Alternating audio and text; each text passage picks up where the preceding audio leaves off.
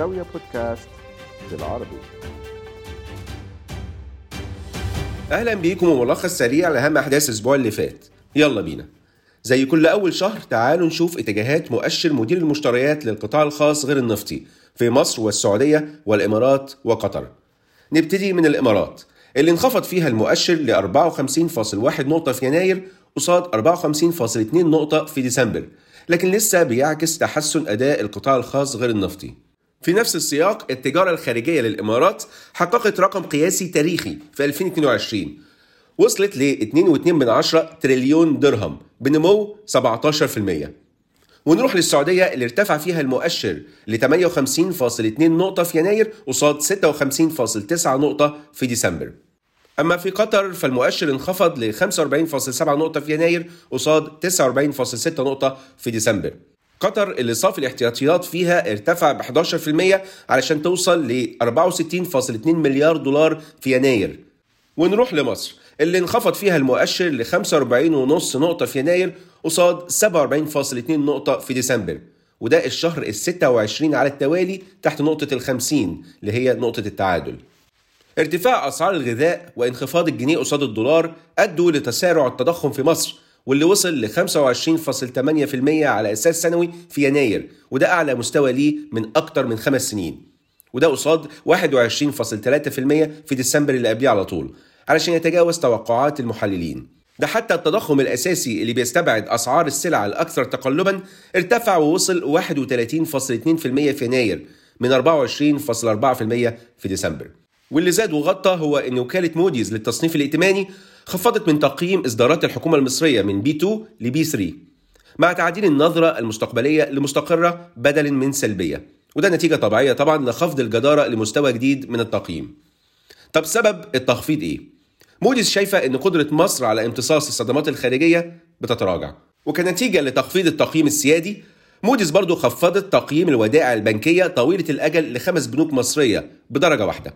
تم تخفيض تقييم البنك الأهلي المصري وبنك مصر وبنك القاهرة والبنك التجاري الدولي من B 2 ل B 3 ونزلت بتقييم بنك الإسكندرية ل B 2 بدل من B 1 واللي بيعتبر أعلى من التقييم السيادي بدرجة نظرا للدعم اللي بياخده البنك من بنك انتيسا سان باولو اللي بيمتلك فيه حصة الأغلبية.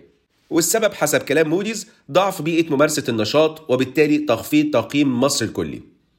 الرئيس المصري عبد الفتاح السيسي خلال افتتاحه لتوسعات مدينة صناعية تابعة لجهاز مشروعات الخدمة الوطنية التابع للقوات المسلحة المصرية كان قال إن مصر محتاجة استثمارات ب 100 مليار دولار خلال خمس سنين علشان بس تسد فجوتها الدولارية اللي هي 30 مليار دولار.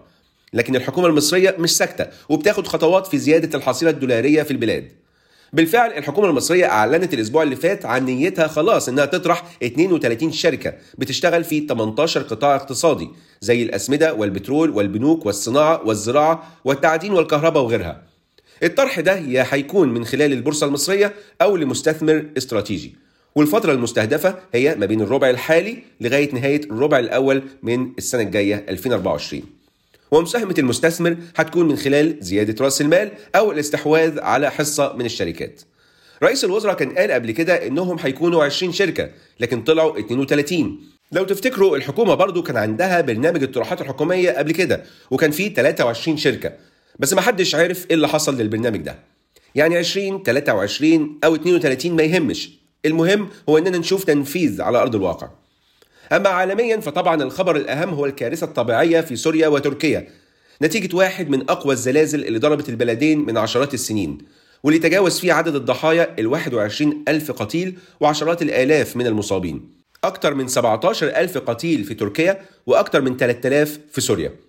فبعد ساعات قليلة من الزلزال القوي اللي ضرب جنوب تركيا وشمال سوريا حوالي الساعة 4 وربع صباح الاثنين بتوقيت تركيا المحلي حصل زلزال جديد في مركز الزلزال نفسه في قهرمان مرعش بقوة 7.6 درجة في حوالي الساعة واحدة وتلت مساء في نفس اليوم. أما في سوريا فالأخبار هي أن الزلزال الجديد ضرب العاصمة دمشق واللاذقية ومدن تانية. لكن إدلب واللاذقية وحلب كانوا الأكثر تأثرا نظرا لقربهم من مركز الزلزال. قوة الزلزال الأول كانت 7.7 من عشرة درجة على مقياس ريختر وده الأقوى في تركيا من سنة 1999 والأقوى في سوريا من سنة 1995 وشعر بيه كل من سكان لبنان وقبرص ومصر والعراق. المشكلة هنا في الأوضاع الاقتصادية في تركيا اللي هتتفاقم مع تصاعد مخاطر التضخم والميزانية. تقدير حجم الخسائر نتيجة الزلزال صعبة حاليا لكن سوق المال عمل حساباته وانخفض بنسب كبيرة جدا وده خلى بورصة تركيا تضطر إنها تعلق عمليات التداول. من ناحيته الرئيس التركي قال إن حملة إعادة البناء في المقاطعات العشرة اللي اتأثرت بالزلزال هيتم استكمالها خلال سنة واحدة بس وأعلن كمان عن صرف 10000 ليرة لكل أسرة منكوبة أو ما يعادل تقريبا فوق ال 500 دولار. الخوف هو إن الكارثة دي ممكن تؤدي لنقص في الغذاء وبالتالي معدل التضخم اللي أصلا قريب من 60% يرتفع أكتر. وبما إننا بنتكلم عن التضخم تاني فالتضخم السنوي في تونس واصل ارتفاعه ل 10.2% على أساس سنوي في يناير. ده مقارنة ب 10.1% في ديسمبر وإن كان لا يزال أقل من ال 11% اللي محافظ البنك المركزي التونسي كان توقعها للسنة كلها. الارتفاع ده هو الأعلى من 30 سنة تقريبا وجاي مدفوع بزيادة أسعار المواد الغذائية والملابس والأحذية ومواد البناء. ونروح للعراق اللي وافق فيه مجلس الوزراء على تعديل سعر صرف الدينار ل 1300 دينار للدولار الواحد ابتداء من الأربع اللي فات. الدولار كان ارتفع بسبب قيود التحويل اللي كان فرضها البنك الفيدرالي الأمريكي علشان يمنع تهريب الدولار لإيران. وده اللي خلى الدولار يوصل ل 1470 دينار وكان وصل مؤخرا ل 1690 كمان. اللي مساعد العراق الفترة اللي فاتت هو توفر احتياطيات أجنبية رسمية قربت من ال 115 مليار دولار. أو بمناسبة الحصيلة الدولارية نتيجة ارتفاع أسعار النفط اللي بيسموها petrodollars واضح إن الإمارات مش عايزة تفوت الفرصة. في أخبار إن بنك أبو ظبي الأول بيسعى تاني لتقديم عرض محتمل لبنك ستاندرد شارترد. القيمة السوقية لبنك أبو ظبي الأول بتبلغ تقريبا ضعف قيمة ستاندرد شارترد اللي ممكن يتم تقديم عرض نقدي بالكامل على أسهمه في حدود ال 30 ل 35 مليار دولار وده حسب المصادر. على جانب تاني في أخبار إن القبضة الإماراتية اي دي كيو دخلت في مباحثات مع الحكومة المصرية علشان تشتري حصة من أسهم شركة المصرية للاتصالات في فودافون مصر. الصفقة اللي كان في كلام عليها إن جهاز قطر للاستثمار مهتم بيها. المصرية للاتصالات المملوكة للحكومة المصرية بنسبة 80% بتمتلك 45% من فودافون مصر وال 55% التانيين مملوكين لفوداكوم التابعة لفودافون جروب. مش دي أصول برضو؟ ولا هي مش أصول يعني؟ كان معاكم عمرو حسين الألفي من زاوية تحياتي لكم والسلام عليكم ورحمة الله وبركاته.